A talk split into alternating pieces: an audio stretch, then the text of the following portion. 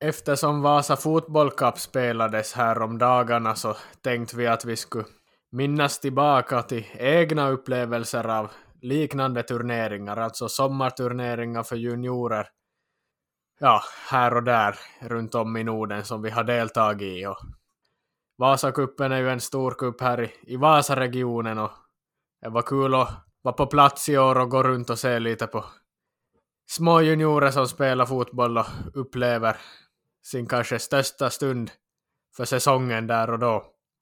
Ja, för det är ju lite så att det är höjdpunkterna på, på många barns säsonger, de här sommarturneringarna. För de flesta når ju aldrig så långt att de får spela de stora turneringarna på sommaren, alltså EM och VM och Copa America och sådana grejer, så då får man ofta nöja sig med att spela sommarturneringar som Vasa Fotboll Cup eller dylikt i, i unga år. Och därför blir ju ofta de här turneringarna då höjdpunkten på, på säsongen för många. Och ja, många har ju upplevt och spelat själva sådana turneringar så flera av er lyssnare kommer säkert känna igen er i, i en del av sakerna vi pratar om här. Vi ska väl försöka minnas lite både egna turneringar som vi har spelat i och lite kanske lite hur det har gått men också ganska sådär allmänt och brett om vad som kan vara typiskt för sommarturneringar om hur det är att sova på, på klassrumsgolv och äta i matsalar och allt möjligt sånt kul som ingår i de här turneringarna. Så detta blir med andra ord ett specialavsnitt om sommarturneringar för juniorer.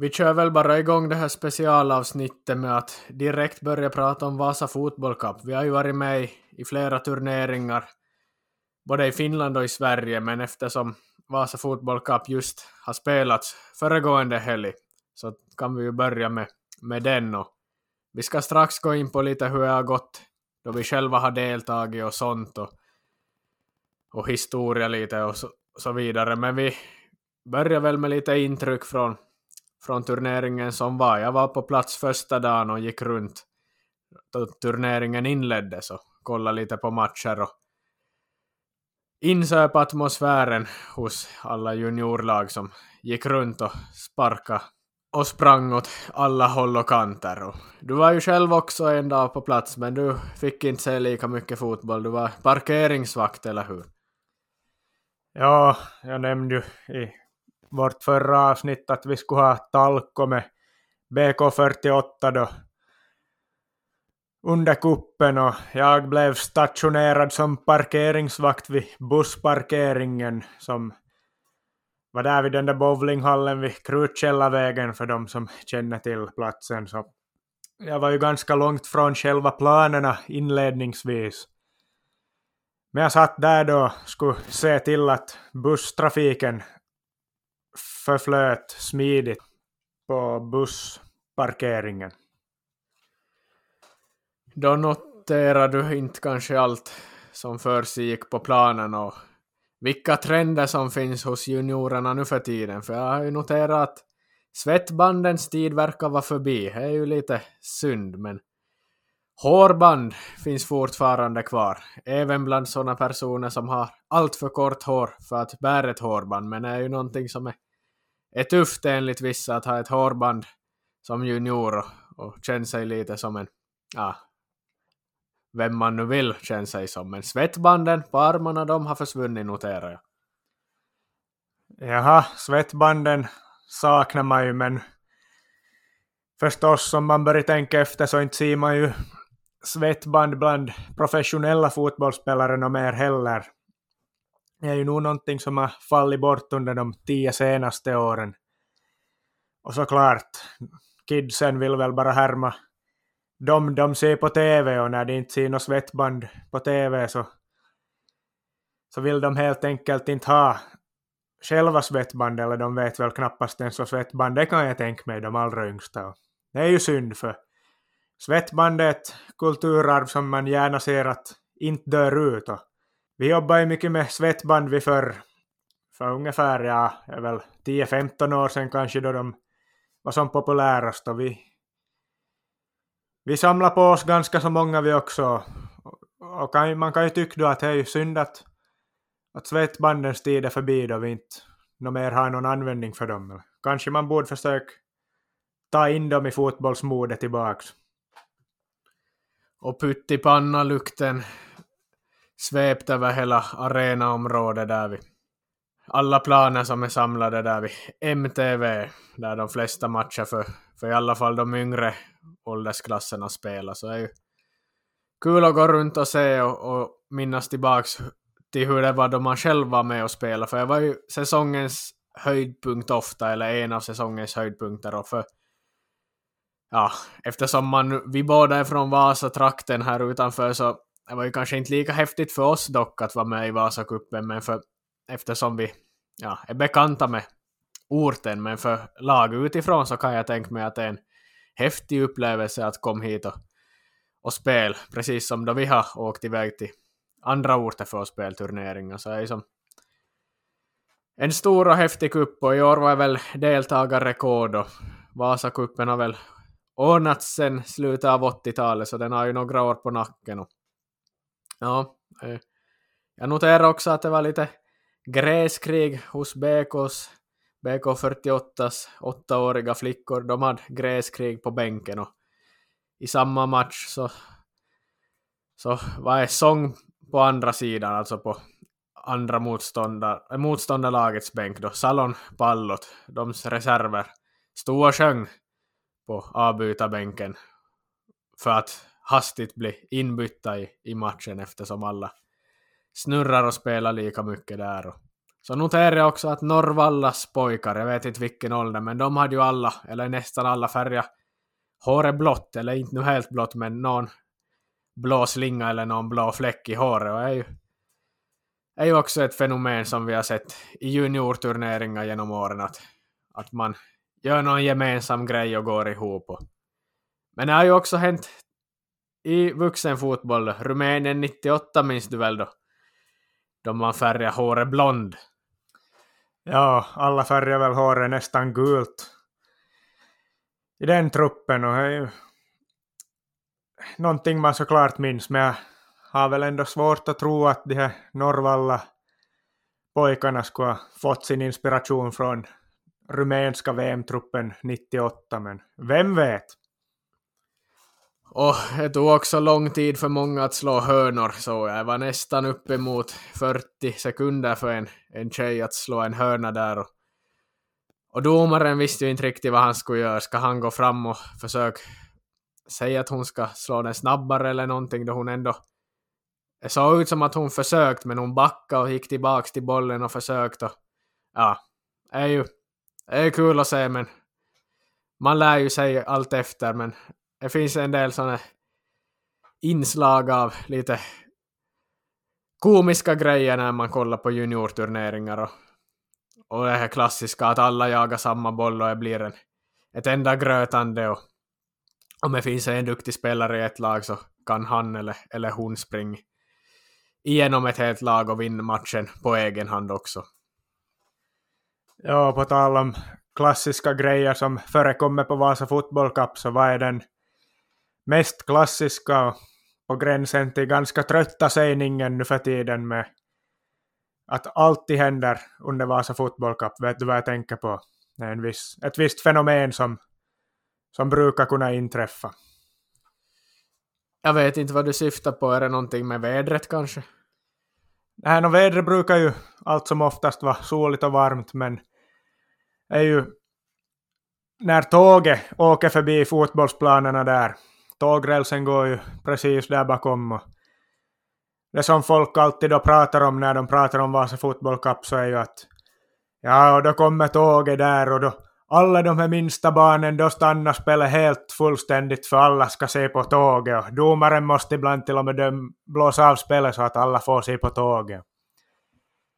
Det har man ju hört några gånger, åtminstone tycker jag känns så att varje gång man pratar om Vasa Fotboll Cup med någon så ska det nämnas så man börjar ju nästan vara lite, lite trött på att höra den sägningen men förstås är det ju en viss sanning i den också men jag vet inte, hann du se något sånt då du gick runt där i fredags?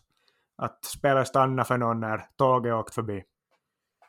Nej, under de timmar jag var där så noterade jag inget tåg, för det skulle man ju ha märkt. För det brukar i alla fall bland de yngsta spelarna bli en stor grej när tåget far förbi. Men vi kan väl kort berätta lite om våra egna upplevelser i, i denna turnering. För mig är det ganska, ja, jag har varit med många gånger med Iskmo Ljungsund men jag har inte så jättemånga grejer att, att ta upp här för vi åkt, åkt ur gruppen i, i de flesta fall. Vi var väl med sex gånger med mitt Iskmo Ljungsund pojkar 93-lag och vi åkte ut de fyra första gångerna i gruppen men sen så tog vi oss vidare både 2007 och 2008 men 2008 gick vi väl längst men det blev en förlust på straffar i kvartsfinalen och förlust på straffar är någonting som Iskmo Ljungsund är vana vid, i alla fall mitt, min årgångslag och det kommer vi komma in på mer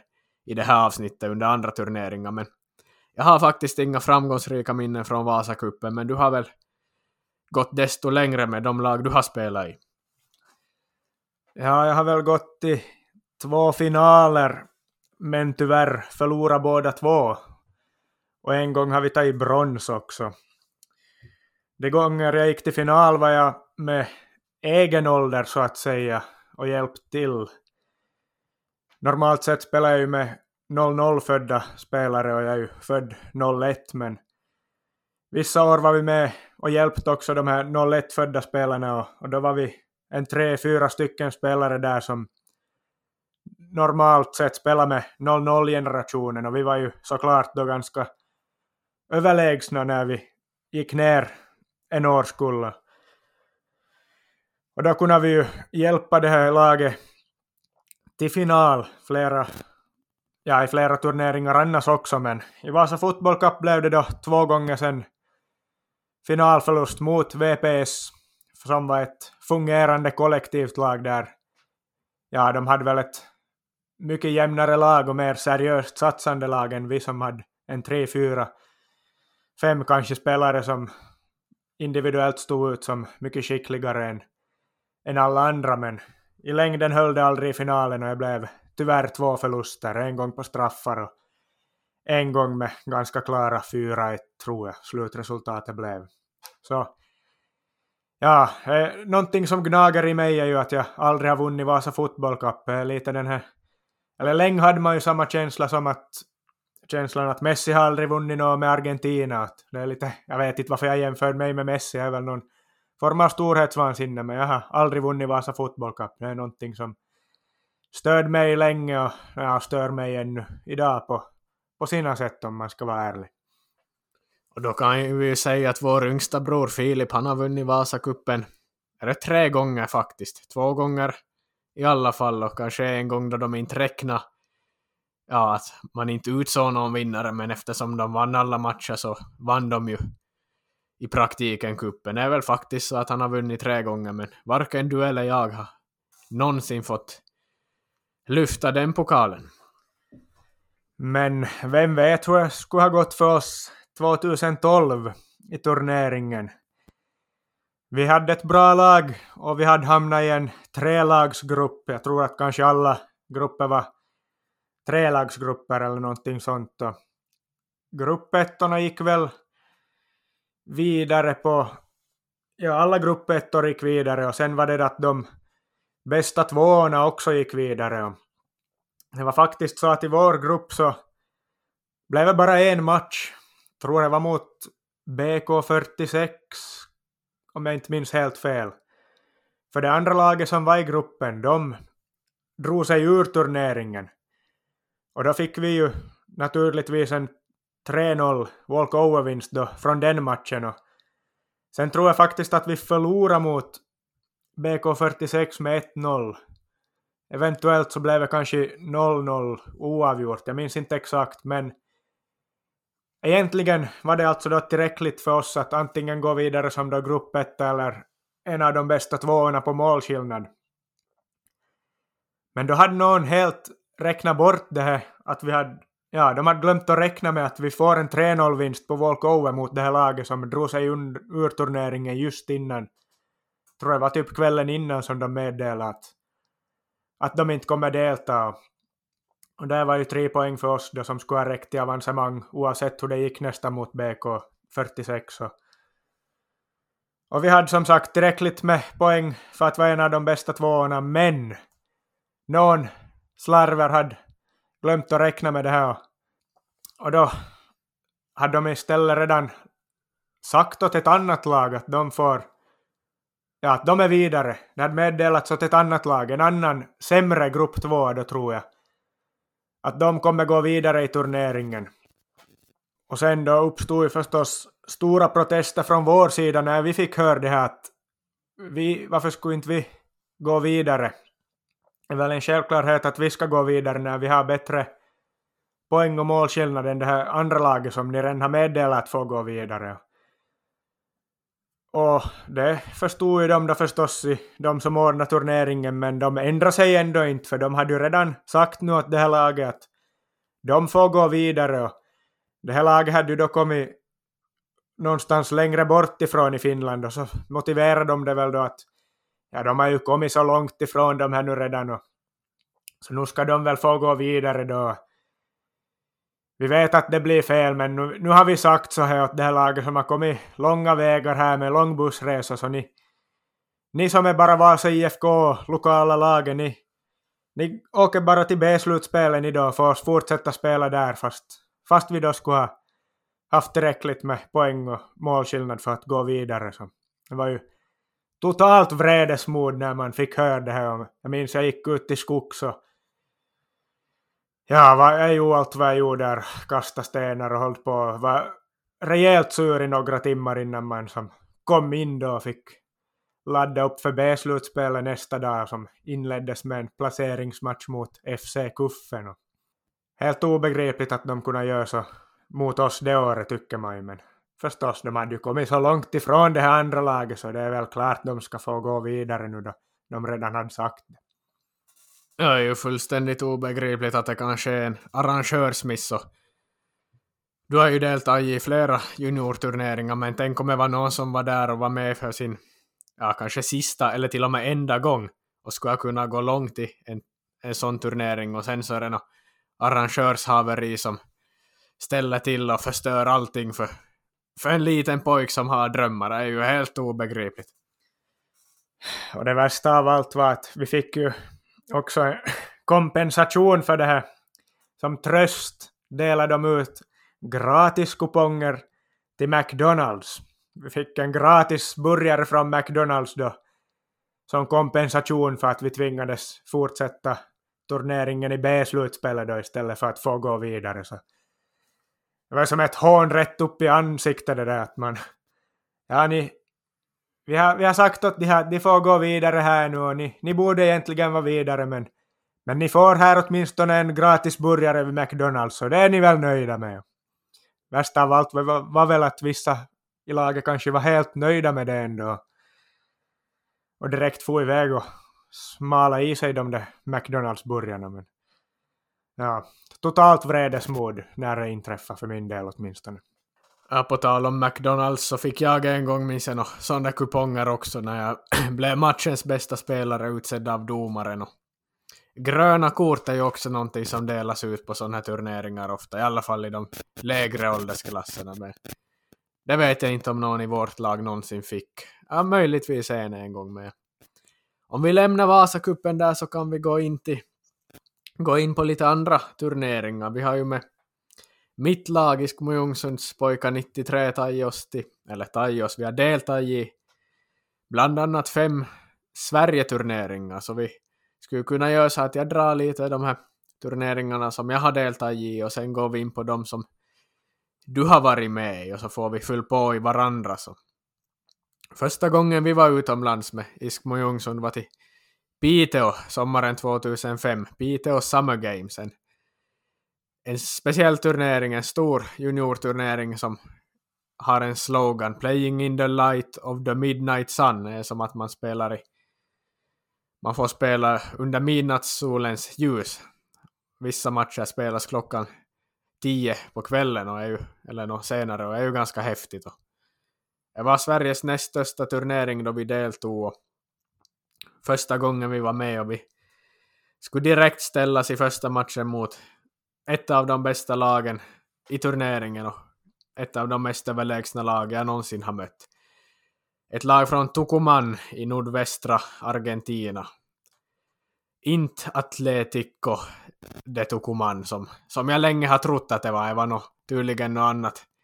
Eller ett ihopplock av Tucumán-spelare som ofta reser runt i Norden. De här deltar ofta i de här Dana Cup och Gotia Cup och, och Piteå då. De har varit i Vasacupen också. Men vi mötte Tucumán från Argentina i första matchen och 7-0 slutade den. Tack vare eftersom det var bara 15 minuters halvlek så hann de inte göra något mer mål på oss. Men det var en häftig upplevelse att spela mot ett argentinskt gäng och, och bara förlora 7-0. Pratar många om att det ska kunna bli mer. Men, men ja, det var ju häftig turnering eftersom vi vann de två andra gruppspelsmatcherna mot Stämningsgården från Skellefteå och Röbäck från Umeå. Och med de resultaten tog vi oss vidare och det var ju hur sjukt som helst att vi, lilla Iskmo Ljungsund, åkte ut i stora världen till Sveriges näst största cup och gick vidare tillsammans med Tucuman från Argentina, men i, i åttondelen då så tog det stopp på straffar mot Lira BK eller Lira FK eller någonting från Luleå.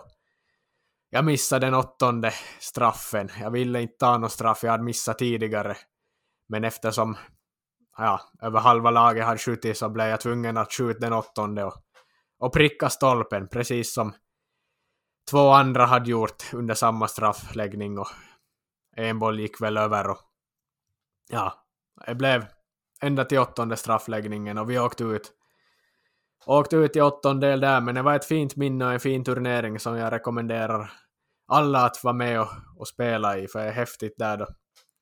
Det är så ljust så länge på kvällarna och vi bodde ju på ett gympasalsgolv, eller sån här budohus, jiu-jitsu-hall, en sån här kampsportslokal, och det var häftigt att, att bo där, även om det var ja, ganska mediokert boende, men det var som häftig känsla på något sätt. Den där kuppkänslan väcktes för första gången. Och, ja, skolgolv och sånt är väl sånt som man ofta sover på i, i sådana turneringar allt med Sverige var ju häftigt på den tiden då man inte riktigt ja, fick så mycket sådana svenska produkter här i finska butiker, alltså Ahlgrens bilar och Coca-Cola på burk och djungelvrål och allt sånt. Det var ju som häftigt att bara få till gå runt i en butik i Sverige och köpa en, en Festis kaktuslime eller någonting sånt som, som man aldrig kunnat se här i, i Finland. Det var som en stor grej var ju allt på sidan om turneringarna också fotbollen var ju en del, men allt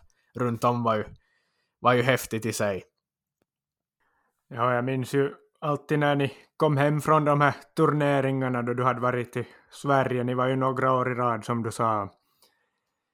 Jag hade aldrig varit i Sverige jag då, så du målade ju upp bilden av Sverige som himmelrike på jorden. Då du berättade om vad allting som fanns där i, i godisväg och, och alla sådana grejer, typ Pite havsbad och och sådana häftiga ställen som man... Ja, det lät som en dröm i mina öron att få, få vara på sådana platser och, och få äta det här godiset och, och sånt som inte fanns i Finland och ni kunde ju ha med någon kanske påse eller någonting till mig också som ni hade köpt från båten. Och gott var det ju men nu ser vi ju allt det här i, finska butiker nästan idag också så är ju inte alls lika exotiskt nog mer inte. Ja, du nämnde Pite havsbad. Dit var vi ju med laget en kväll då. Det var väl samma dag då vi åkte ut turnering och, och det blev ju snabbt att vi glömde förlusten och, och hade roligt där för Det var ett häftigt ställe med en, en jättehög rutschkana som, som i alla fall, då man var 11, 12 år, 12 år var vi väl, då var den i alla fall hög. Jag vet inte hur hög den är i dagsläget om, om man skulle åka i den, men det var fint ställe, Pite havsbad. Och roligt var det att vara med på de här turneringarna. Och det märktes också bland föräldrarna och ledarna, för de, ja, de tog ju sig ett, ett och annat glas och det var en förälder som inte jag ska nämna vid namn som han blev ganska påverkad och, och var på väg att ta myggmedel istället för tandkräm. Och det blev en, en stor grej som jag, jag och några andra brukar skämta om nu som då. Men ja, det var Piteå 2005. Vi kan gå vidare till Norrköping Fotboll Cup 2006. Andra året i rad vi åkte till Sverige med Iskmo Ljungsund. Det var ju båt, till Piteå tog vi ju bussen över, över riksgränsen, men till Norrköping tog vi ju båten från Åbo till Stockholm. Och det var ju häftigt att vara på båten och allt som fanns där och det var, var ju så att halva laget köpt på sig no 10 euros Zlatan-tröjor med, med svenska landslaget med Zlatan på ryggen men jag, jag vet inte, jag ville inte ha en sån så jag köpte ju själv en, en Crespo Argentina-tröja och, och var den enda som gick runt med en Argentina-tröja när alla andra ville göra någon grej av att de hade samma Zlatan 10 på ryggen. Men ja, vi bodde i Norrköping i en armébarack, eller ja, en gammal militärförläggning som inte längre var i bruk, så jag var som av alla turneringar jag har varit med på måste man nog säga att det var den sämsta platsen att bo på, för jag var nog så gammalt och skitigt och smutsigt och det kändes inte alls något bra att bo där och det var några högsängar och dålig mat där igen. Ja, jag vet säkert en gammal militär matsal som vi åt i. Norrköping hade riktigt dålig mat. Och fotbollsmässigt gick det också riktigt dåligt i Norrköping. Till skillnad från året innan i Piteå lyckades vi inte gå vidare i gruppspelet. Vi skulle faktiskt inte vinna en enda match. Inte ens ta ett enda oavgjort resultat, utan vi skulle bli jumbo i hela turneringen, förlora alla matcher, inklusive jumbofinalen. Ja, jag vet inte, det var en chock att vi hade gjort det så bra i Piteå året innan, men sen i, i Norrköping så blev det total fiasko, men det räddades väl lite upp sen att vi fick åka till Gröna Lund i, i Stockholm där före vi åkte hem med båten och hade lite roligt och åka fritt fall och alla de där attraktionerna där, men annars så var nog Norrköping en ganska, ja, en turnering som inte har så positiva minnen från, i alla fall inte fotbollsmässigt. Kan väl ännu nämna det här att vi var ju nära på att åka på stora böter när en, en spelare i vårt lag lekt med en tändare och en deodorantflaska. Som, ja, ja man kan ju få upp en, en eld som flashar runt dem om man gör ett trick med de grejerna kombinerat. Och, och det drog ju igång brandalarmet i den här militärbaracken eller militärförläggningen och då ryckte ju Norrköpings brandkår ut och, och skulle se vad som har hänt. Och det var ju så att en lagledare sa åt den här spelaren och åt alla i vårt lag att ingen får säga att någon i vårt lag har orsakat det här, stått och elda under brandalarmet. Så. så ja, Norrköpings brandkår kom väl dit och fick notera att ingenting brann och stängde av brandalarmet och så vidare, men de visste inte varför det hade kommit på och ingen berättade någonting för det skulle kunna bli dryga böter om, om vi skulle måste betala för det. Men ja, det var en, en grej från Norrköping som kan nämnas då. Fotbollen gick lite sämre. Året efter, 2007, så åkte vi till Björneborg, till Porrikapp. Och det var ju, ja, i, på förhand visste vi inte riktigt vad vi skulle förvänta oss, men vi hade varit två år till Sverige och tänkt väl att okej, okay, det är väl okej okay om vi åker till en finsk turnering för en gångs skull.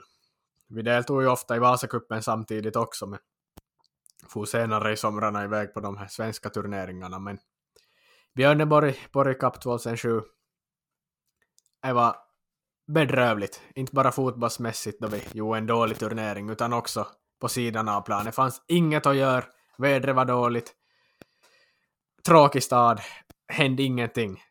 Det var nog sämsta turnering jag någonsin har deltagit i, i Björneborg 2007. Enda som kan nämnas av spänning är ju att vi åkte till Yteri, den här långa sandstranden utanför Björneborg och det stormade eller blåste rejält den dagen. Det var väl då vi skulle få hem. Och det fanns såna undervattenströmmar som drog ut folk när man simmade där i vattnet så märkte man att det började dra i fötterna. Det var undervattensströmmar som sög ut en till havs. Och jag och några andra, vi fick, vi blev som rädda för det här. Men vi lyckades simma i land, men det var två, tre andra som fick sån panik så de inte lyckades ta sig i land. De bara sögs längre och längre ut i havet och det var ju en, en lagledare som var tvungen att hoppa i och simma ut och dra in dem i land och det var ju en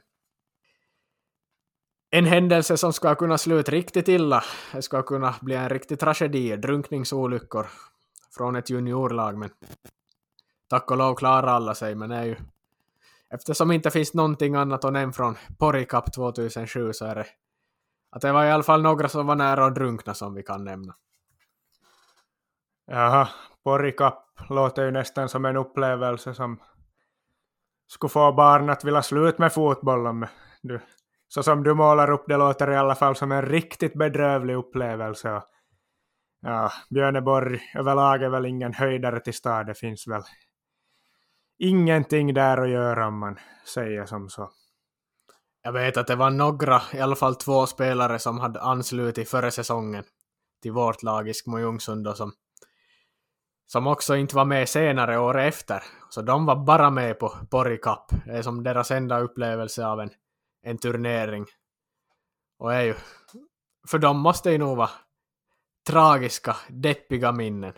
Tur för oss andra att vi var med på lite fler turneringar än bara i Björneborg. Vi går väl direkt till nästa år, 2008. Då får vi med färjan över Kvarken till Umeå, Umeå fotbollsfestivalen. En annan stor svensk turnering som fortfarande pågår än idag. Där sov vi på skolgolv igen. Och ja, fotbollsmässigt mötte vi väl ett av de sämsta lagen vi har mött i en sån här turnering. Överkalix, som vi slaktade i första matchen och sen förlorade vi väl mot Sandviken eller Sandåkern, något av dem.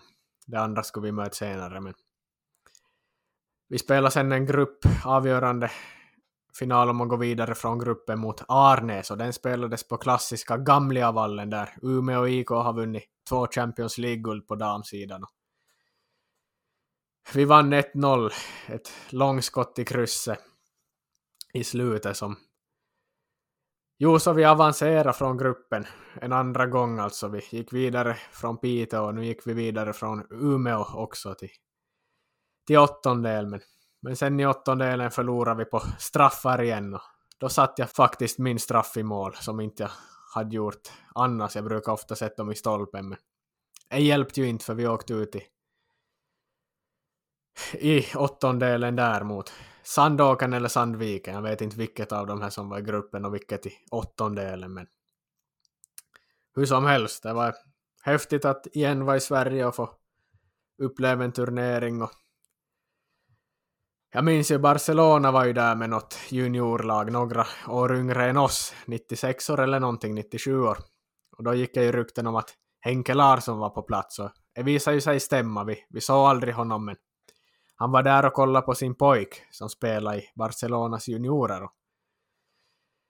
Nu i efterhand så förstår man ju att det var Jordan Larsson som ja, också nu är professionell fotbollsspelare precis som sin far. Han spelar i, nu och då i landslaget och spelar i Spartak Moskva men nu är han väl klubblös sen han lämnade AIK på ett korttidskontrakt och han är väl på, på gång till lite olika klubbar. Man vet väl inte var han landar in men han var där med Barcelonas juniorer i alla fall. Umeå, ja, nog var helt roligt på sidan om också. Det fanns sån där diskon som ofta fanns på de här turneringarna och såklart alla de här butikerna, Ica Maxi som man vallfärdade till och köpt sockerdrickar och burkläsk och allt, Ahlgrens bilar och allt som inte fanns i Sverige, i Finland på den tiden. Så minns jag en händelse i alla fall som kan vara värd eller intressant att nämna var ju då? Vi hade kommit överens om att om vi går ut på stan eller lämnar lämnar skolan var vi bodde på på kvällen så ska vi gå i kollektiv, i alla fall försöka vara samlade i grupp, i små grupper eller i större grupper, så ingen ska tappa bort sig. Det var en kväll som vi lagkaptenen samlade ihop alla och sa idag är vi hela laget i samma grupp, ingen går nå för sig själv och alla försöker hålla håll sig till gruppen, men då var det ja, vi hade väl gått någon kilometer eller in mot stan och gått in i någon butik och då noterade ju någon att en spelare saknades. Och ingen visste vart han hade tagit vägen. Och det visade sig att han hade på något sätt lyckats. Fast han var med i gruppen hade han ändå gått vilse själv. Och han hade bara slunkit in på någon pizzeria. Han har beställt en pizza och suttit där i, i lugn och ro utan att tänka på att, att andra bara sökt runt och ringt runt och frågat var han är. Men han hade ju inte på sin telefon heller. Men det är alltid någon som gör det roligt för andra som man kan minnas och, och skämta om i efterhand. Det var väl inte så många som var förvånade över att det var just han som, som ni tappade bort som blev borttappad, utan det var väl om man skulle ha fått gissa som utomstående så är det väl han man skulle ha gissat på att gjorde henne. Och de som känner till mig och, och mitt mina gamla lagkompisar vet vem jag pratar om. Men ja, vi går vidare till 2009. Då var vi till Borlänge, Dalekarlia Cup. En fin turnering också i, i Dalarna, i, fina landskapen där mitt i Sverige. Och då var jag återigen båt från Åbo till Stockholm. Och vi sov då återigen på en, en skola, en bra skolgolv. Vi hade med sådana resesängar som vi hade fått lån från och någonstans i Björkö, jag vet inte var de hade fått tag i dem, men vi sov på några knakiga resesängar som gav ifrån sig ljud direkt man vände sig om och, och det väckte ju hela tiden den som sov bredvid en. Men ja, Dalarna, Borlänge, det var ganska, ganska så här tråkig stad men fanns ändå, det var ändå kul att vara med där för vi var ju tvungna att uppleva stan och köpcenter och sånt ganska mycket mer än vad vi hade tänkt eftersom turneringen i stort regnade bort. Det blev ett sånt sjufall, ett regnoväder som, som man inte hade sett i Dalarna tidigare. Det var någon form av rekordmängd i, i liter regn på en vecka. Ja, vi hann ju nog spela en par matcher men ja, vi åkte ur gruppen. Vi gjorde en helt okej okay turnering, inte så att vi gjorde något dåligt, men vi var inte tillräckligt bra. Vi spelade väl för många oavgjorda matcher, men vi åkte ur gruppen och de här matcherna spelades i, i ösregn och i stora vattenpölar, men till slut blev planerna så, så do, i så dåligt skick så B-slutspelet som vi skulle ha deltagit i, ställdes in totalt. Det blev inget B-slutspel, så därför så hade vi tid att vara på, runt på köpcenter och i stan och gå på bio och, och hänga runt med andra lag och prata med spelare från andra, främst svenska lag då där och, och ja, gör annat än att spela fotboll eftersom Dalarna drunkna som rubrikerna löd. Det var annars en ganska lång turnering det här, alltså de brukar ju bara vara några fyra dagars turneringar eller till och med kortare, men den här turneringen var ju som nio dagars turnering, över en vecka lång. Eller den kanske var sju dagars, men vi var väl där nio dagar med, med resor inräknade, så det var en en lång turnering. Eh, det var solsken då vi kom, solsken då vi åkt, men däremellan var det bara regn. Men vi får ju och simma och, och bada vid en fin strand fast det regnade och, och hade ändå jätteroligt fast det var ösregn. Och då B-slutspelet ställdes in hade vi en tre dagar där i slutet som inte vi egentligen hade några matcher eller gjorde någonting alls, men vi fick en sån möjlighet att boka in en träningsmatch mot ett annat lag som hade åkt ut och då spelade vi mot ett estländskt lag. Och det här mötet ägde rum på konstgräsplan eftersom det inte fanns några speldugliga vanliga gräsplaner. Och det här konstgräset fanns på Domnarvsvallen, klassiska Domnarvsvallen i, i Borlänge där IK Brage och tidigare Dalkurd spelade sina hemmamatcher. Det var en, en klassisk arena. Brage har ju varit i allsvenskan och spelat Europaspel till och med någon gång i tiden, eller kval. Så det var ju häftigt att få spela en match på en, en så klassisk arena också, även om, om B-slutspelet ställdes in och det bara var en, en träningsmatch. Men ja, vi kan väl också nämna att i Borlänge på Dalekarlia Cup så var det bästa maten någonsin av, av alla turneringar jag har varit med på. Det var riktigt bra mat där som de hade i en, säkert i en skolmatsal då, men man fick pannkakor till lunch, eller till middag en gång, med pannkakor med glass och det var någonting häftigt. Och jag minns mexikanska laget Cruz Azul, storklubben från Mexiko som var där med ett juniorlag. De var helt chockade över att de fick pannkakor med glass och de vräkt i sig precis som oss. På tal om Cruz Azul så har jag också minnen av att de vann en match på walkover eftersom matchen blev, eller ja, de fick tilldömdes en 3-0-seger eftersom det blev slagsmål mot La Academia från Guatemala när de två spansktalande länderna möttes. Ett mexikanskt lag och ett Guatemala-lag som möttes. Och spårade ur och domaren angrep så det var väl Guatemala som tilldömdes som orsakade det här och Cruz Azul fick en 3-0-seger på pappret då eftersom det blev slagsmål. Men de blev faktiskt inte utslängda ur turneringen utan de hade kommit så långt ifrån så de vågade väl inte göra något. Det var en, en stor grej minns jag där och då. Ja, Gröna Lund än en gång blev det sen på hemvägen och fritt fall än en gång för de som vågar. Det var väl bara jag och tre andra som vågade åka i den. Vi har sådana bilder då vi tog från Gröna Lunds egen kamera. Det var, de flesta vågade inte åka i, i fritt fall, men det var några alltid som vågade. Jag och en annan var med alltid, både 2006 och 2009. Men ja, Gröna Lund alltid kul och båtresan hem.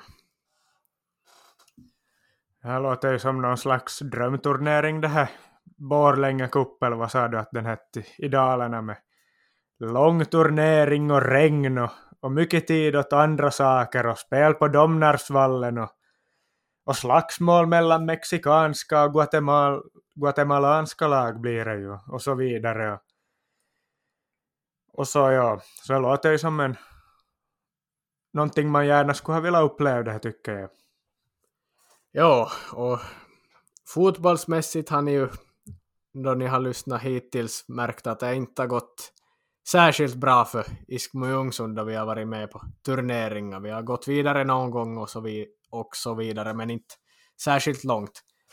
Men sista turneringen vi var med på i Timrå, Mid Nordic Cup 2010, då skulle vi ta oss längst någonsin faktiskt. För den, den turneringen så skulle ja, mirakel inträffa. Timrå är mellan Stockholm och Umeå ungefär. Så vi åkte med båt till Umeå och tog, tog oss från Stockholm till Åbo på hemvägen. Så vi åkte två olika båtar. Vi åkte som runt olika vägar upp och, och ner. Men I Timrå bodde vi på Bergafjärdens camping. Det var fin, fint boende vid, en, vid havet där och jättefin campingplats som, man, som jag gärna skulle återvänt till ifall jag skulle vara en, en campingresenär. Men det är jag väl inte ändå, men det var fint att bo där och helt okej okay mat under den turneringen också, men här ska jag faktiskt inte prata så mycket om det som hänt på sidan av plan, utan här ska vi gå in direkt på, på det sportsliga och vi öppnar med en poäng mot Kubiken Borg. Sen förlorar vi mot IK Huge och med skogsbron. Vilket betyder att vi, ja, en poäng i gruppen av nio möjliga och i alla världar då skulle ha åkt ur gruppen. Men det fanns ju något speciellt upplägg med den här turneringen eftersom det var, det var väl bara tolv lag som var med och, och något sånt och det skulle måste som fyllas upp platser till kvartsfinalen. Och alla de som hade åkt ur gruppspelet fick en chans att kvala till kvartsfinal. Och det öppnar ju upp för alla lag och och för oss kan man verkligen se att det öppnar upp sig, för vi skulle möta ett lag från Ukraina, Shmina Obolon. Men det här laget var med, med i Timrå-cupen med två lag, Shmina Obolon 1 och Shmina Obolon 2, och vi mötte andra laget. Och inför slutspelet beslöt de sig att bara satsa på första laget. och sket helt enkelt i andra laget. De ställde in den matchen och tog alla bästa spelare därifrån till första laget. Så vi fick faktiskt en walkover-seger och en gratis biljett fram till kvartsfinal. Och väl i kvartsfinal mötte vi IK Huge som vi hade förlorat mot i gruppen. Och vi hade ju fått en ny tändning och revansch att utkräva och, och vi vann 2-0 i kvartsfinalen och avancerat till semifinal. Helt otroligt, från att ha blivit sist i gruppen till att dagen efter vara i semifinal. I semifinalen utspelar sig en av min karriärs mäktigaste händelser, eller mest minnesvärda i alla fall. Det blev 3-3 i matchen, vilket bety betydde straffläggning. Och vi hade med Iskmo Jungsund eller deltagit i sju olika straffläggningar historiskt sett. Vi hade förlorat samtliga. Men åttonde gången gilt så skulle vi faktiskt vinna en straffläggning och avancera till final i Mid Nordic Cup. Och den glädjen som infann sig när man för första gången i livet vann en straffläggning är, är sånt som bara idrott och sport kan frambringa sådana känslor. Sånt som, som man aldrig kan uppleva om inte man ja, har varit där själv och, och blivit euforisk så att säga. Och i final mötte vi sen Hanvikens sportklubb från Tyresö utanför Stockholm.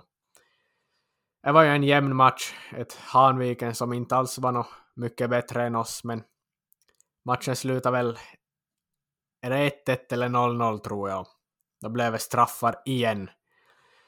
Och eftersom vi hade vunnit på straffar i semifinalen första gången någonsin så, så var det för bra för att vara sant. Och vi förlorade såklart finalen på straffar. Och vi kom så nära men ändå inte ända fram. Men vi föll med flaggan i topp och fick en silvermedalj som vi aldrig trodde skulle vara möjlig att slåss om medaljer i en internationell turnering i Sverige. Det var hur häftigt som helst. I alla fall så här i efterhand när man tänker hur, hur stort det var. Men där och då kändes det bittert att förlora finalen. Men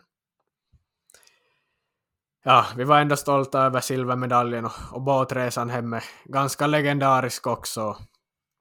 Ni som minns, minns att det var en kul båtfärd och en kul turnering. Men det var mina upplevelser av sådana junior sommarturneringar. Och vi ska väl gå in på, på dina då.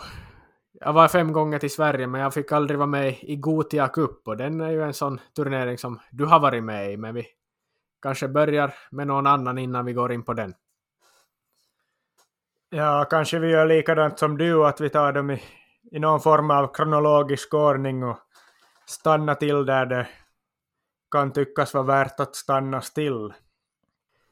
Och jag har ju deltagit i också några, ja ganska många turneringar och både som jag sa med egen ålder och, och yngre, eller med äldre och med egen ålder, ska jag inte yngre.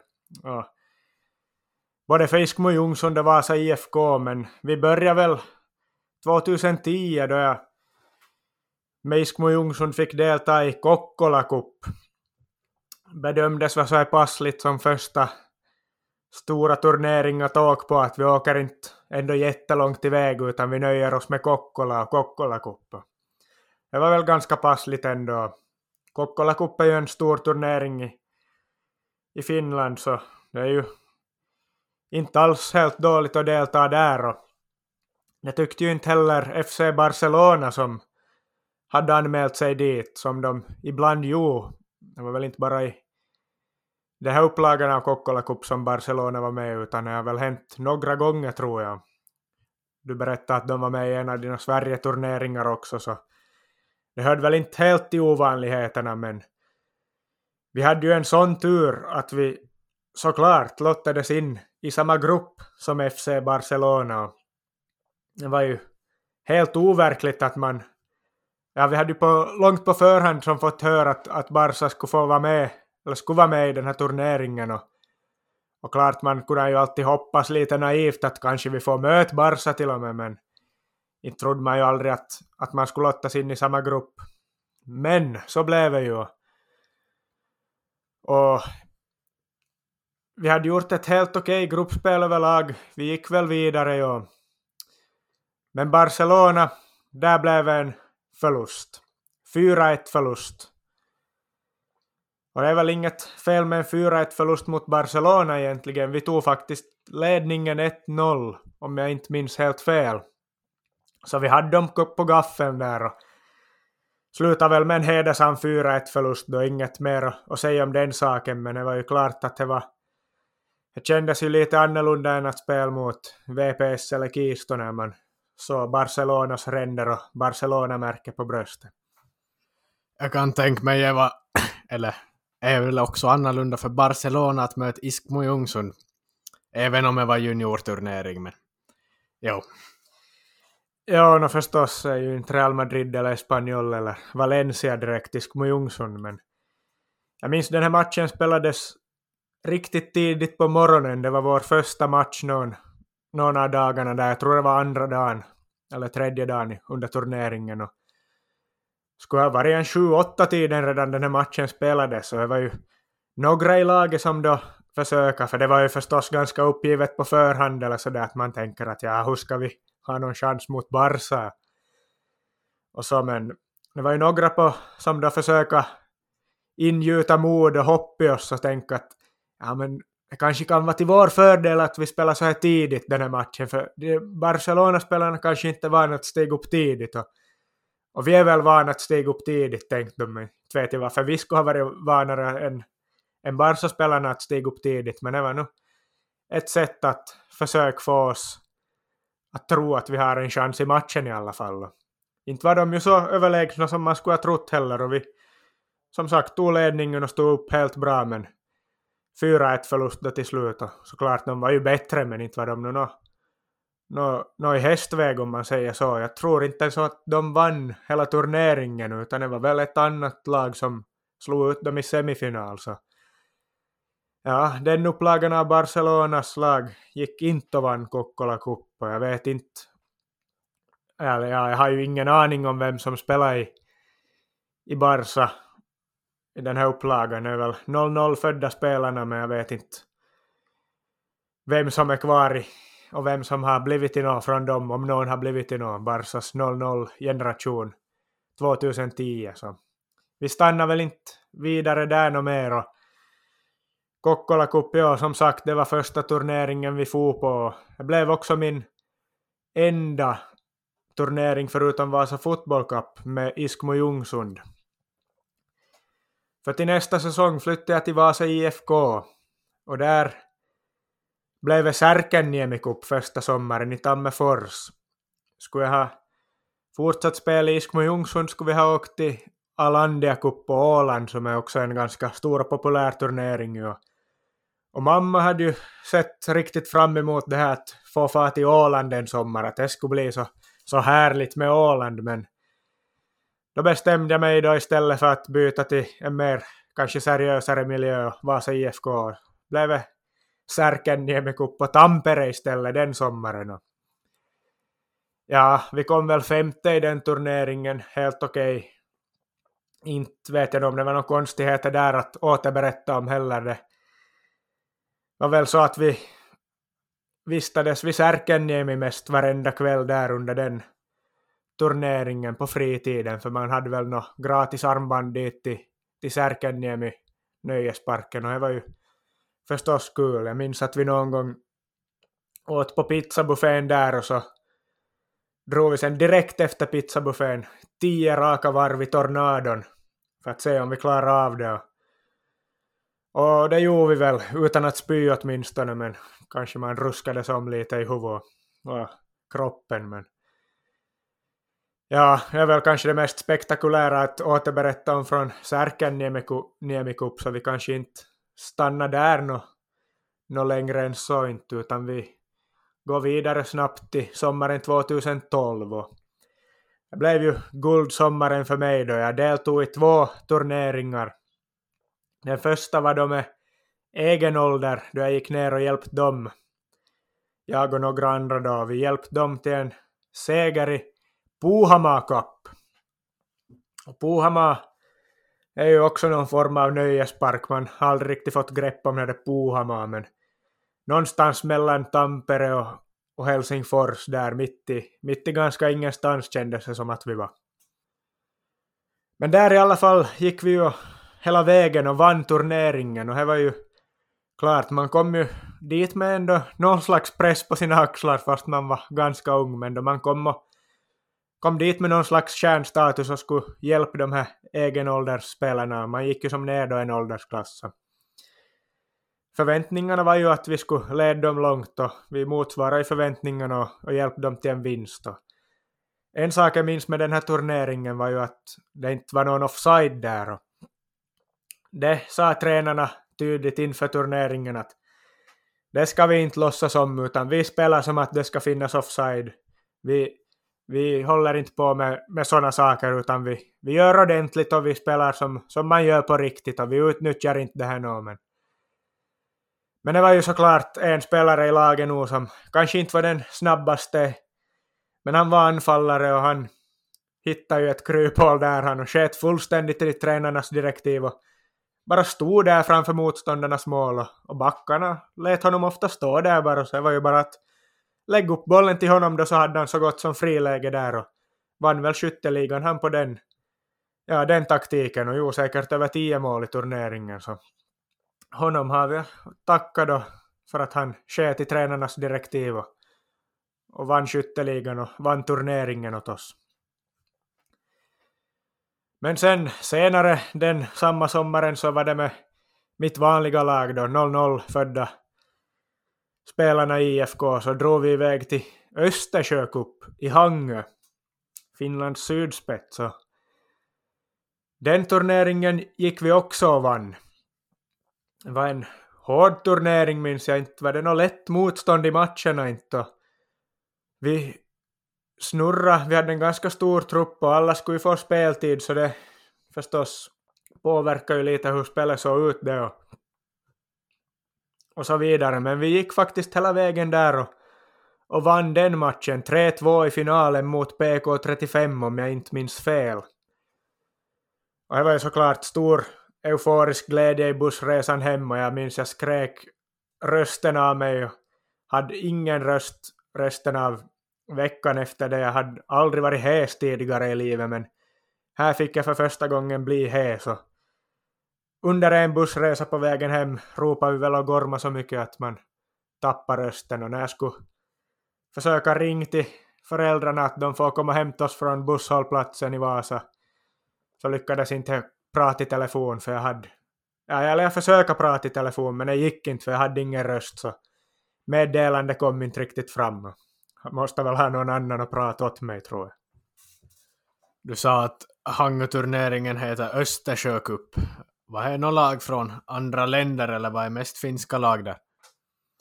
Jag tror att det nästan bara var finska lag, åtminstone har jag inte något minne av att vi skulle spela mot något no andra lag än finska lag i, i den turneringen. Och ja, jag skulle säga också en sån sak att vi vann ju turneringen, men det var ju någon slags inmarsch, eller sån här inledningsmarsch i den här kuppen som det är på vissa såna här kupper. Och, och då var det ju också en tävling och en pokal som delades ut åt det lag som hade bäst hejaramsor och sjöng hårdast och förde mest ljud och här gick vi ju in hårt förstås och, och sjöng och vi lekte väl att vi var någon form av ultras-sektion då som gick på en marsch, åtminstone var det det jag hade i mitt huvud. Och säkert många andra också. Hårt sjöng vi, tog det här på största allvar och gick för vinsten och det kändes åtminstone som att vi sjöng hårdast. Vi var helt övertygade om det men i slutändan var det typ Ekenäs IF flickor åtta som ändå fick den här pokalen så man var ju ganska förbannad då också men vi misstänkte väl med att det hade att göra med att vi sjöng så fula ord i våra ramsor. Vi körde ju den här sportsklassiska Ja, vi är sportis från Vasa, alla bondjävlars fasa. Bara att med IFK då från Vasa istället för sport. Så. Kanske arrangörerna inte riktigt tyckte om att vi hade svordomar och fula ord i våra ramsor och därför inte delade ut det här priset. Men det var ju första eller andra dagen under kuppens gång det och tränarna sa åt oss då att ni får ju satsa på det som på riktigt gäller då istället och det är ju att vinna riktiga turneringen och inte den här riggade hejaklackstävlingen. Och, och då gick vi och gjorde som de sa och vann turneringen. Jag kan fylla på där om att vi var Norrköping 2006 så deltog vi ju i den här invigningen.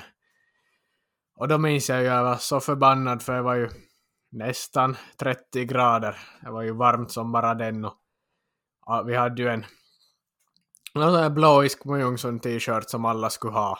Men då var det en spelare som hade lyckats tappa bort sin tröja och då så sa lagledaren då att ja men då tar alla på den här långärmade tröjan för den har ni alla. Så då, för att en spelare från Replut inte lyckades hitta sin t-shirt så skulle vi alla gå runt i 30 grader värme med långärmar. Det stör mig när man tänker på hur, hur varmt det var och jag, ja, du fattar. Ja, känns som en typisk grej som händer på turneringar, att någon slarvar och så drabbas hela laget då av något skit just i något sån här förhållanden. En annan grej som hände på Östersjö hände kanske inte så mycket vid sidan av planen vad jag minns så här nu i efterhand, men en sak som man minns var ju då vi var inne i en matbutik, helt vanlig matbutik, bara en K-market, så fick vi ju se Mikko Koivu, NHL-stjärnan, som köpt, ja, jag tror han köpt tandkräm och så köpte han väl någon form av öl eller starkare sprit. Öl måste väl ha varit om det var en vanlig K-market, ja. Men han hade väl semester han då och skulle ha tandkräm och, och någonting att dricka, så där fick vi se honom då. Ingen vågade väl gå fram till honom för han såg väl lite lätt stressad ut, men men han var där, Mikko Koivu, i Hangö samtidigt som det spelades Östersjö Cup. Och ja, jag sa alltså 2012 sommaren, två turneringar, vinst i båda. Bättre än så skulle det aldrig bli för jag kommer aldrig att vinna någon sån här turnering sen igen, trots att man gick till finaler och dylikt, men 2012 sommaren får väl ses som guldsommaren då i, i min fotbollskarriär. Det var ju kul.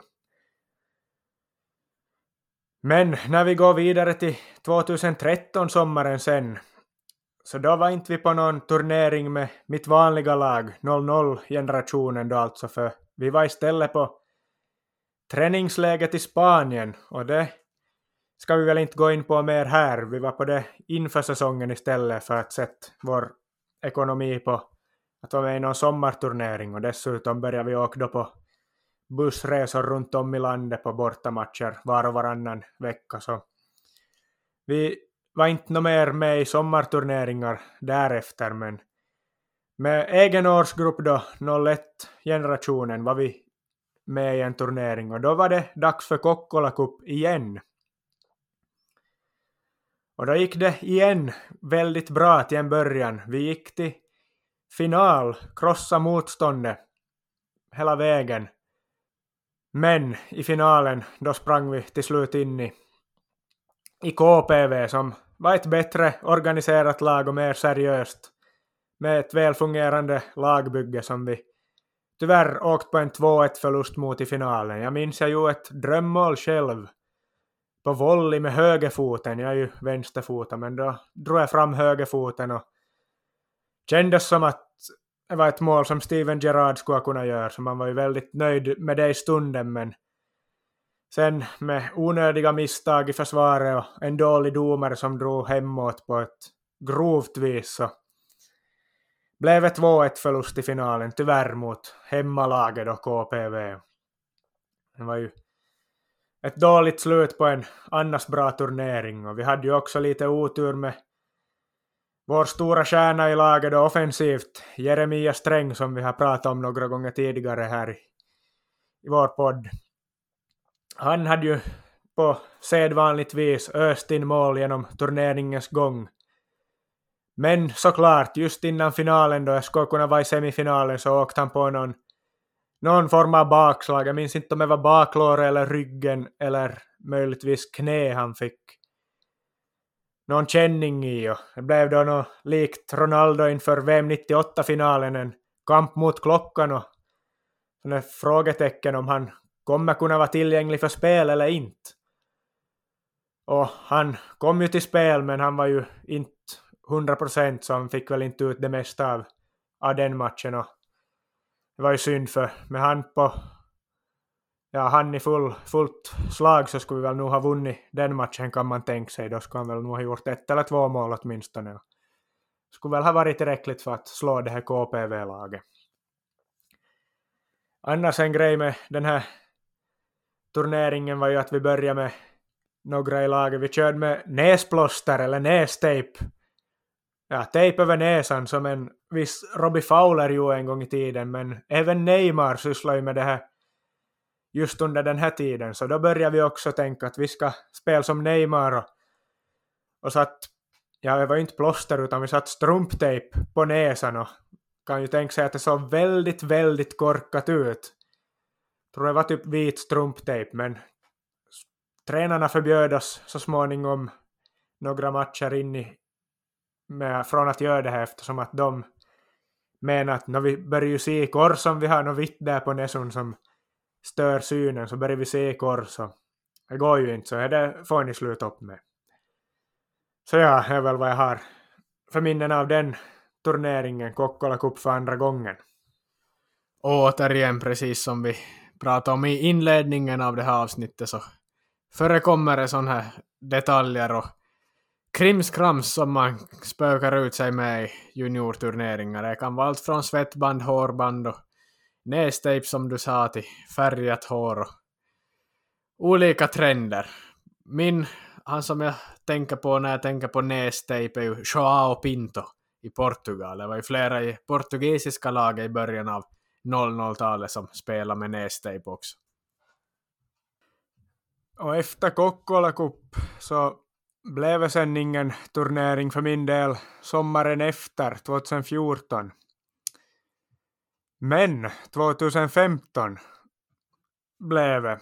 Och då blev det den största av dem alla, världens största juniorturnering. Gotia Cup i Göteborg då.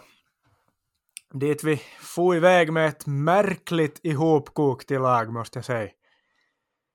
Det var alltså den här, min egen ålders generation då, 01 IFK, hade slagit ihop laget med BK48s 01 då, likt ett annat BK IFK en gång i tiden.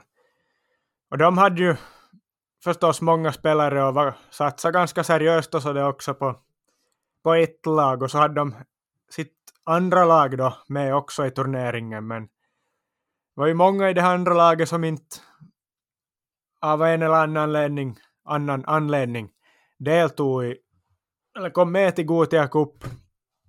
Så då frågade de oss, som hade varit annars och hjälpt med, med de här också för tidigare, om vi ville komma med och spela Gotia Cup med dem. Och det är klart, får man chansen att spela Gotia Cup så tackar man väl inte nej. Så vi får iväg dit då, vi var en fyra som annars ja, fyra 01-födda spelare som normalt sett spelar med 00 men sen var det så också att man fick ha två överåriga per lag med. Och den regeln utnyttjade vi också, så vi tog med två 00 födda spelare också i det här laget. Och där då hade vi alltså en sex spelare från 00 generationen då, eller 01 då förstås, som spelar med 00 och två 00 blandat med andra lag, alltså de sämre då, från det här BK IFKs 01-lag. Så bara där blir det ju en ganska konstig blandning. Och sen var det dessutom då de bästa spelarna från 02-laget tror jag, som också plockades in i det här laget. Så det var ju knappt någon kvar från riktiga laget i vårt det här laget. Vi var ett gäng med 02 år och 00 och 01 som vanligtvis inte spelar med 00 och sen några då av, av de som egentligen hör till det här laget. Ja, jag tror lyssnarna har lite svårt att hänga med i, i vad du säger, vilka spelare som var med, men vi konstaterar att det var ett lag som hade Vasa IFKs märke på bröstet som åkte till Göteborg i Sverige för Gotia Cup och vi kan ju gå in på hur ni lyckades då med det här ihopkoket av massa olika spelare från olika åldersklasser. Ja, svårt att förklara som sagt, ja, men vi lyckades ju faktiskt gå mycket längre än vad vi någonsin hade trott att vi skulle ta oss. Vi tog oss ganska lätt genom gruppspelet och hela vägen till en sextondelsfinal. Nej, åttondelsfinal blir det ju, ja. En åttondelsfinal. Vi vann sextondelsfinalen och gick till åttondelsfinal där vi sprang in i IFK Stocksund heter de väl, utanför Stockholm. Ett riktigt bra lag var de. Och I den matchen hade vi längt 2-2 på tavlan innan vi riktigt i matchens sista stund tyvärr släppt in ett 3-2 mål då som tog oss ut ur turneringen. Och det var ju verkligen synd, men vi hade ju kommit långt mycket längre än vad man någonsin skulle ha trott att BK och IFKs andra lag någonsin skulle ha tagit sig i, i turneringen. Och vi gick ju längre än första laget då, där de egentligen satsande spelade. Bara det var ju en skalp. Och, och ja, vi blev väl då på delad 16 plats i Gotia Cup med BK och IFKs andra lag, så det är ju inte helt dåligt det inte, men grejen var ju ännu den att skulle vi ha gått vidare ur den här åttondelsfinalen så skulle vi väl ha sprungit in i ett ganska dåligt lag i kvartsfinalen som vi nog säkert skulle ha vunnit. Så vem vet, då skulle vi ha kunnat gå hela vägen till en semifinal i Gotia Cup om vi skulle haft marginalen på vår sida. Om vi skulle ha lyckats få det till straffar kanske vi skulle ha kunnat vinna då, och vem vet. Men nu blev det inte så, vi fick nöja oss med en delad 16 plats. Så det var väl helt okej okay, om man ser till förväntningarna ändå. Som sagt, jag har ju varit med i fem olika svenska turneringar, men du har mest varit på med i olika finska, men då det varit en gång då till, till Sverige och till Gotia som inte jag har fått uppleva då. Det är ju häftigt i sig att få vara med i den största av dem alla, men var det nog lite större lag där också?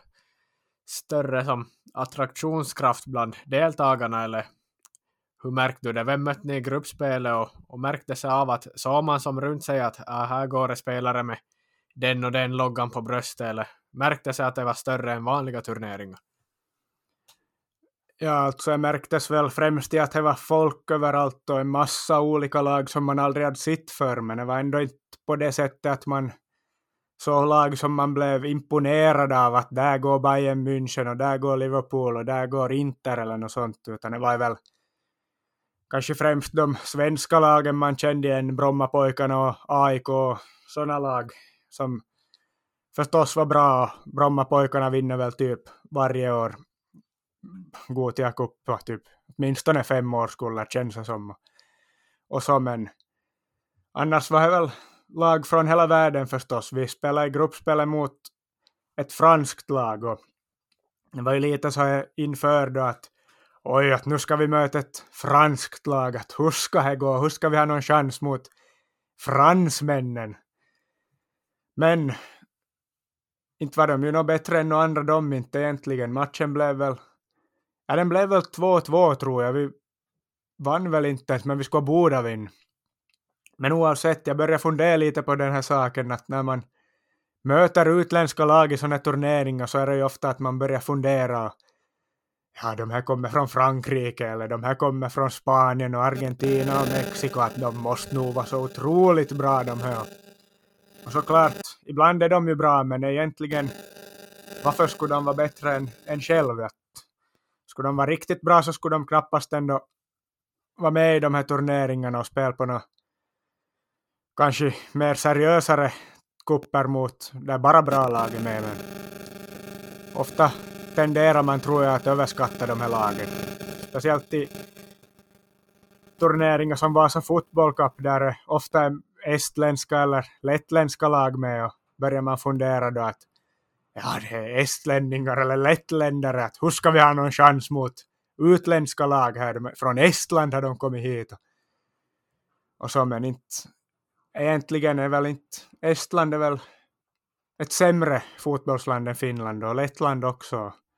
Det betyder väl inte alls att, att de här lagen skulle vara något bra bara för att de är från Estland eller så. Och samma var ju med fransmännen, inte var de något speciellt bra alls, inte bara för att de kom från Frankrike. Men 2-2 blev det i den matchen, annars spelar vi väl främst mot svenska lag bara.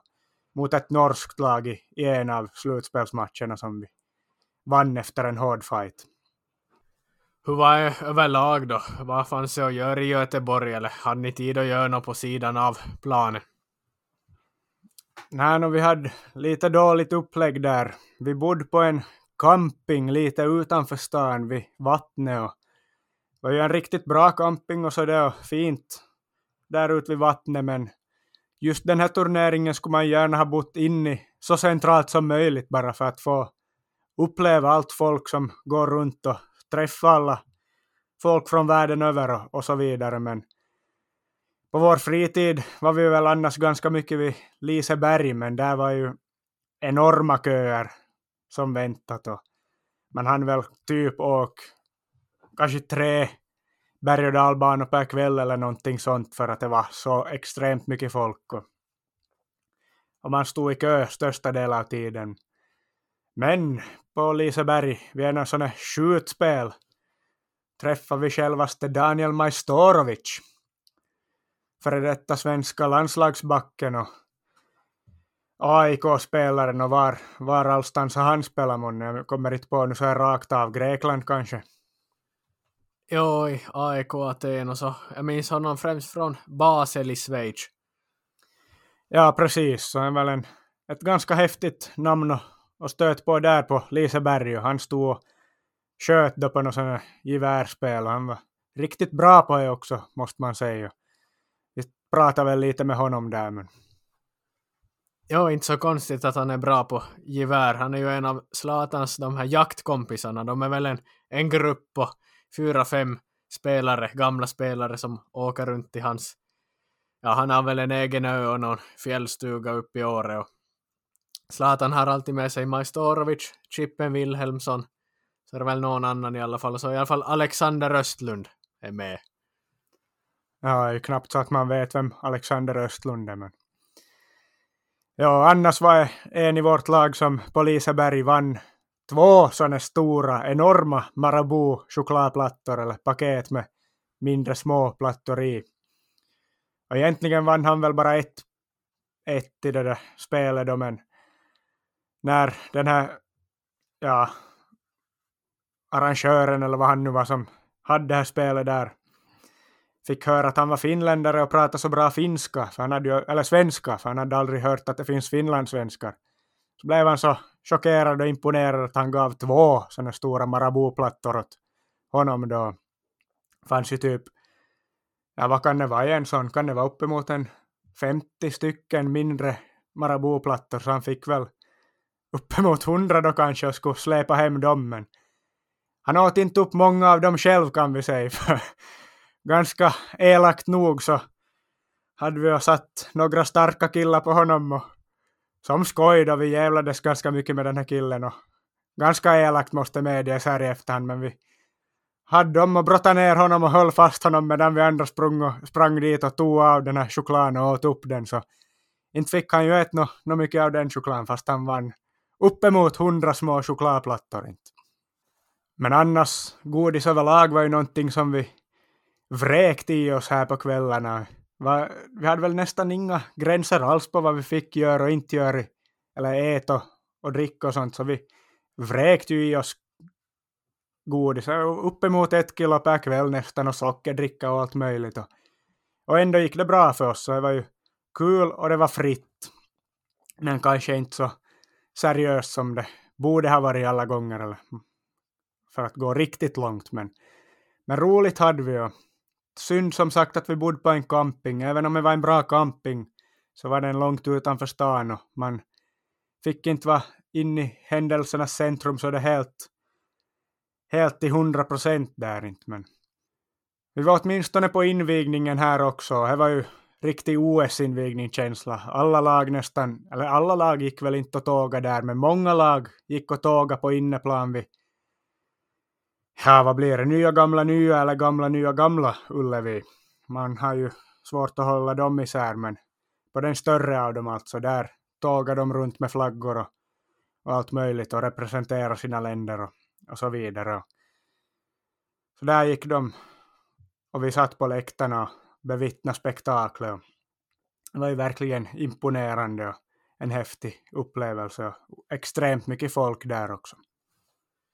Och är ju flera kända spelare som har varit med i Gotia Cup en gång i tiden. Jag kommer nu på Adeba ah, Emanuel Adebayor, tror jag i alla fall. Och flera andra stora namn har deltagit tidigare. Som, det är som, så, så, som sagt världens största juniorturnering.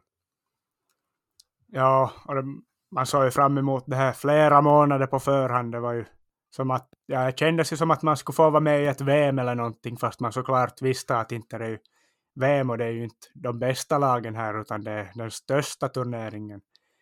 Och mest lag här av alla juniorturneringar i världen. Men man var extremt hypad på förhand och det blev en otroligt mäktig upplevelse.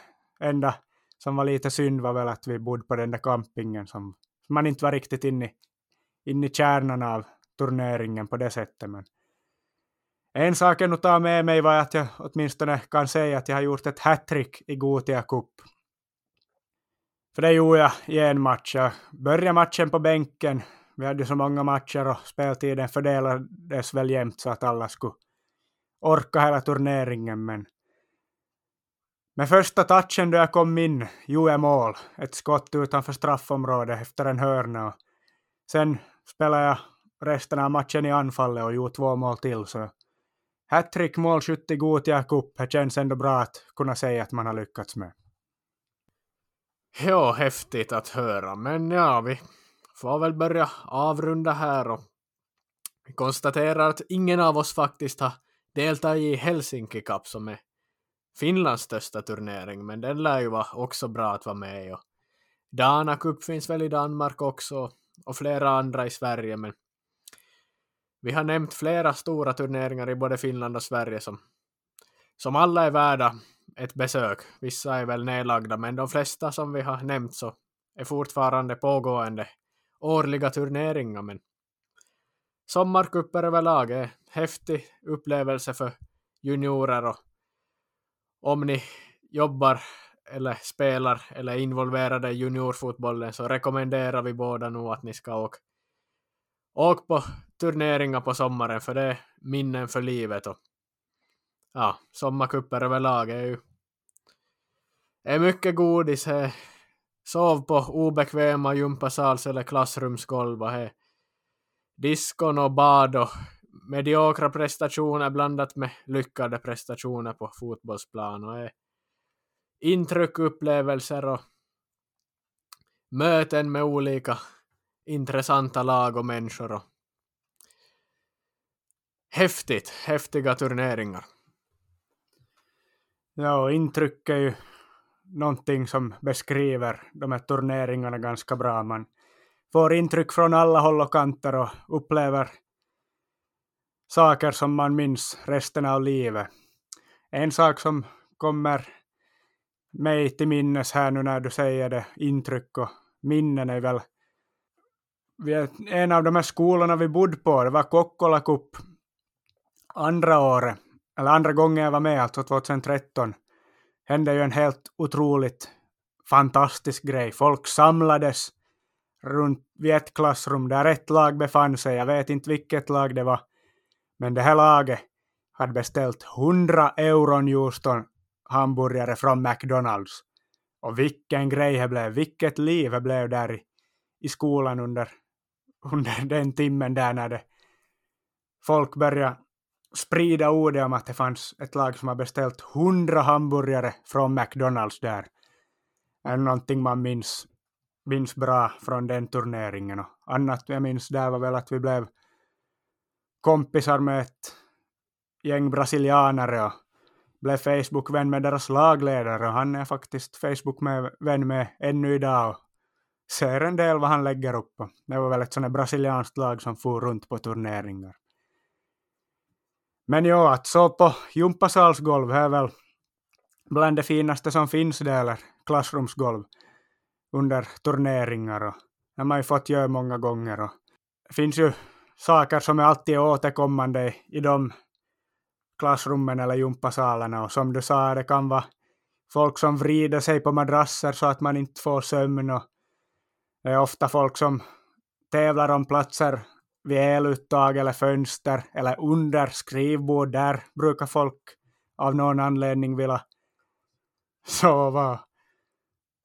Och en annan sak är alltid, eller som alltid finns, finns alltid någon, en eller två per lag som har no extremt stora luftmadrasser med där och på något sätt känner sig lite bättre än de andra och får som får ta mycket skit för att de har extremt stora luftmadrasser sett till alla andra som ligger där då. De ligger som några kungar där i några breda sängar på de här stora luftmadrasserna men slutar ofta med att det är de deras madrasser som har minst luft i sig efter några dagar eftersom att alla andra i laget kommer dit och ska sitta på deras sängar och det är där saker händer.